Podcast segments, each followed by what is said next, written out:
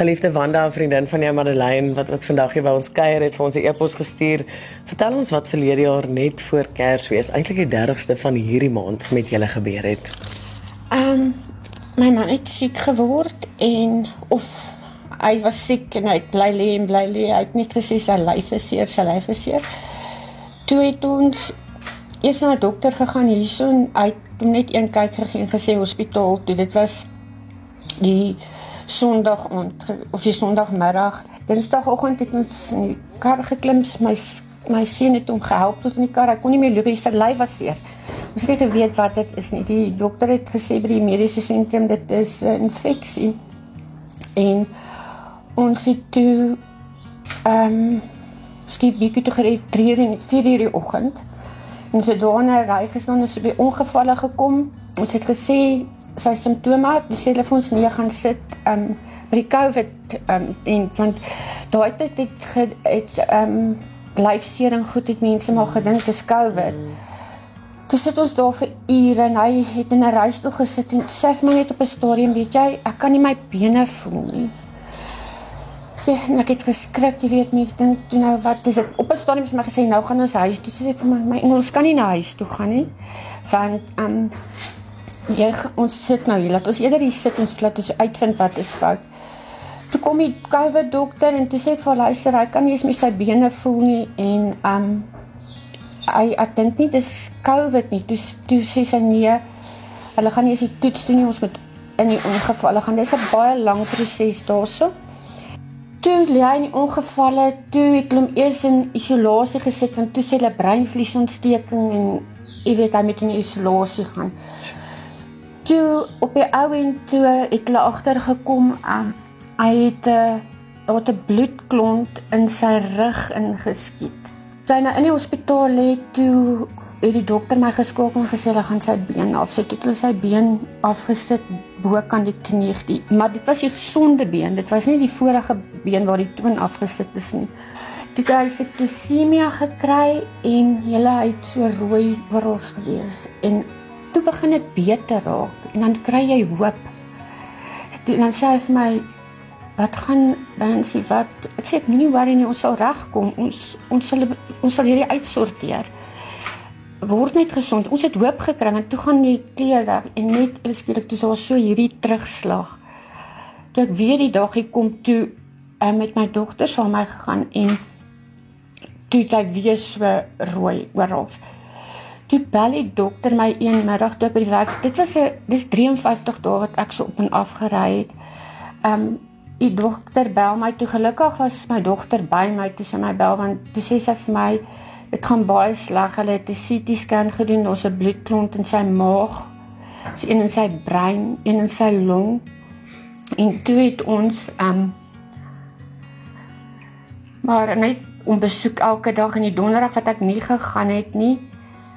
Um toe het hom nou geskuif en toe ek na die Vrydag daar kom was dit vir my so groot skok. Hy het so moeilik asem gehaal. En my seun het gebel op daai storie. En hy wou nie saam met my gaan. Hy kon nie sy pos moet sien. Ek het alleen gegaan. En toe hoor hy hoe hy asem. Sy het dit Deur baie. En um, toe het hy my seker ook gebel en dit sy ge, ge call. En toe het ek die video so gehou toe ek probeer vir iets sê maar niemand kon hoor en ehm um, maar elke keer as hy gesien het het hy gesê sê my net na mamma en boetie kyk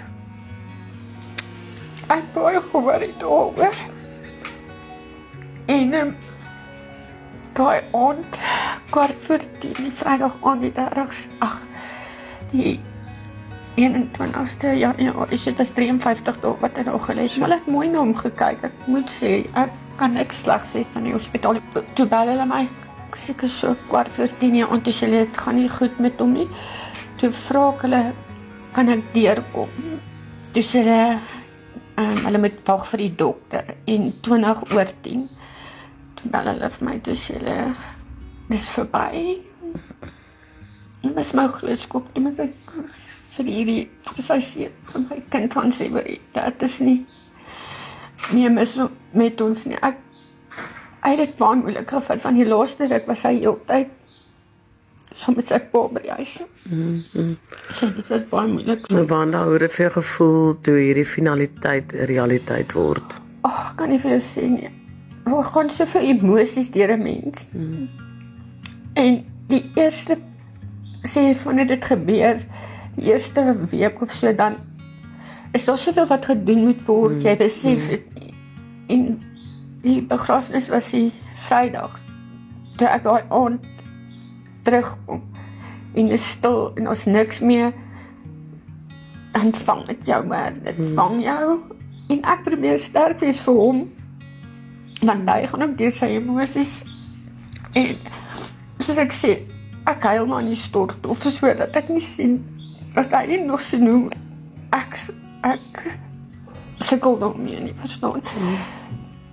is ja ja die jaar maar ek ek sukkel maar nog steeds om jy weet as jy sukkel en en net iemand om saam met jou te sukkel is dit baie beter as om alleen alleen te sukkel. Dis maar dis maar moeilik my emosies ry maar op lank party daar's ek goed. Ander daar dan wil ek nie so opstaan nie maar Geliefde Wanda, ons hoor nou van Craig en van sy laaste 53 dae in die hospitaal en toe nou daai gevreesde oproep geliefde. Hoe het hierdie dag julle lewe verander?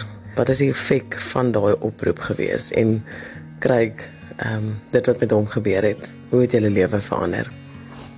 Drasties. Kyk, ons lewe het al klaar so 4 jaar terug mekaar uitgeval toe ons ons besigheid verloor het. So ons het maar gesukkel en maar ons het survive maar met gebede en geloof. Mm. Net as jy dink jy gaan nie regkom nie dan iets gebeur. Mm. So elke dag is maar vir my 'n struggle as ek dit sou kan sê. Ek stres elke dag van my lewe. Maar maar ek glo, verstaan jy? Ek mm. glo. Mm. Ons maar doel met die lewe dat dinge mm. gebeur. Die Here het geweet om hom te vat want mm. hy sou depressief gewees het mm. om, om te dink jy het nie bene nie, jy kan niks vir jouself doen ja. Ek dink is maar 'n rede. Jy wil dit nie daai tyd gesien het nie, maar as jy nou begin as jy alles tot weet back to normal is, dan besef jy ja, die Here het hom nodig gehad en hy het geweet hy moet hom liewers vat. Mm, verseker. Want hy sou regtig dit moeilik. Hy sou mm. hy sou nie kon nie want hy was nooit een wat jy weet wou gehad het ander moet na hom omsien. Mm. Hy was die een wat omgesien het. Mm. So mm. dit sou van baie moeilik gewees het. So Wanda, wat is dan julle grootste behoefte en wens? Graad, oh, jy is net om kop oor water te hou, jy weet, ek nie elke maand met hoop en bid ek maak dit met my petrol en en ons genoeg kos in die huis mm. en en daai tipe dinge nie. Mm. En jy weet, dis nou die einde van die jaar is nou hier en Daar's nuwe skoolklere nodig, daar's boeke nodig. Weet al daai goed, sê alles ekstra smal vir krisis of as een van ons siek word die maand dan is daar krisis want mm. daar was nie voorsien vir dit nie. Mm. So dit is maar wat dit moeilik maak, jong maar. Ja. Altyd gebeur daar iets hier is sorg vir my. Mm, verseker, verseker. Dit is ook nou die amptelike eerste amptelike Kersfees sonder kryk. Sonder hom ja. Mm, ja, ek dink dit gaan moeilik wees. So En hy het altyd 'n groot vas vir Kersfees was altyd vir hom baie spesiaal geweest. Mm, so. So, dit was seker maar lekker geweest daar. Ja. Geliefde Wanda, jou pragtige dogter en jou pragtige seun ook en ag, ehm um, ons wens ons kan kry terugbring. Ehm um, ons kan sien hoe hoe hartseer hulle nog is en hoe hoe rou hierdie wonde is. Ehm um, dis ons voorreg om vandag net vir julle 'n bietjie hoop stoot te bring en weet kruideniersware en al die ander uitgawes ehm um, wat eintlik die basiese uitgawes is ja. is vir jou op hierdie stadium 'n groot bekommernis. Dit is. Dis ons voorreg om vir julle nou ook 'n R3000 geskenkbewys te bring van Spar net om daai laaste bietjie te verlig. Ehm um, en dan wil ons graag 2 maande se huur vir julle betaal. Ja. Gaan. En uh, ek waardeer dit opreg, dankie.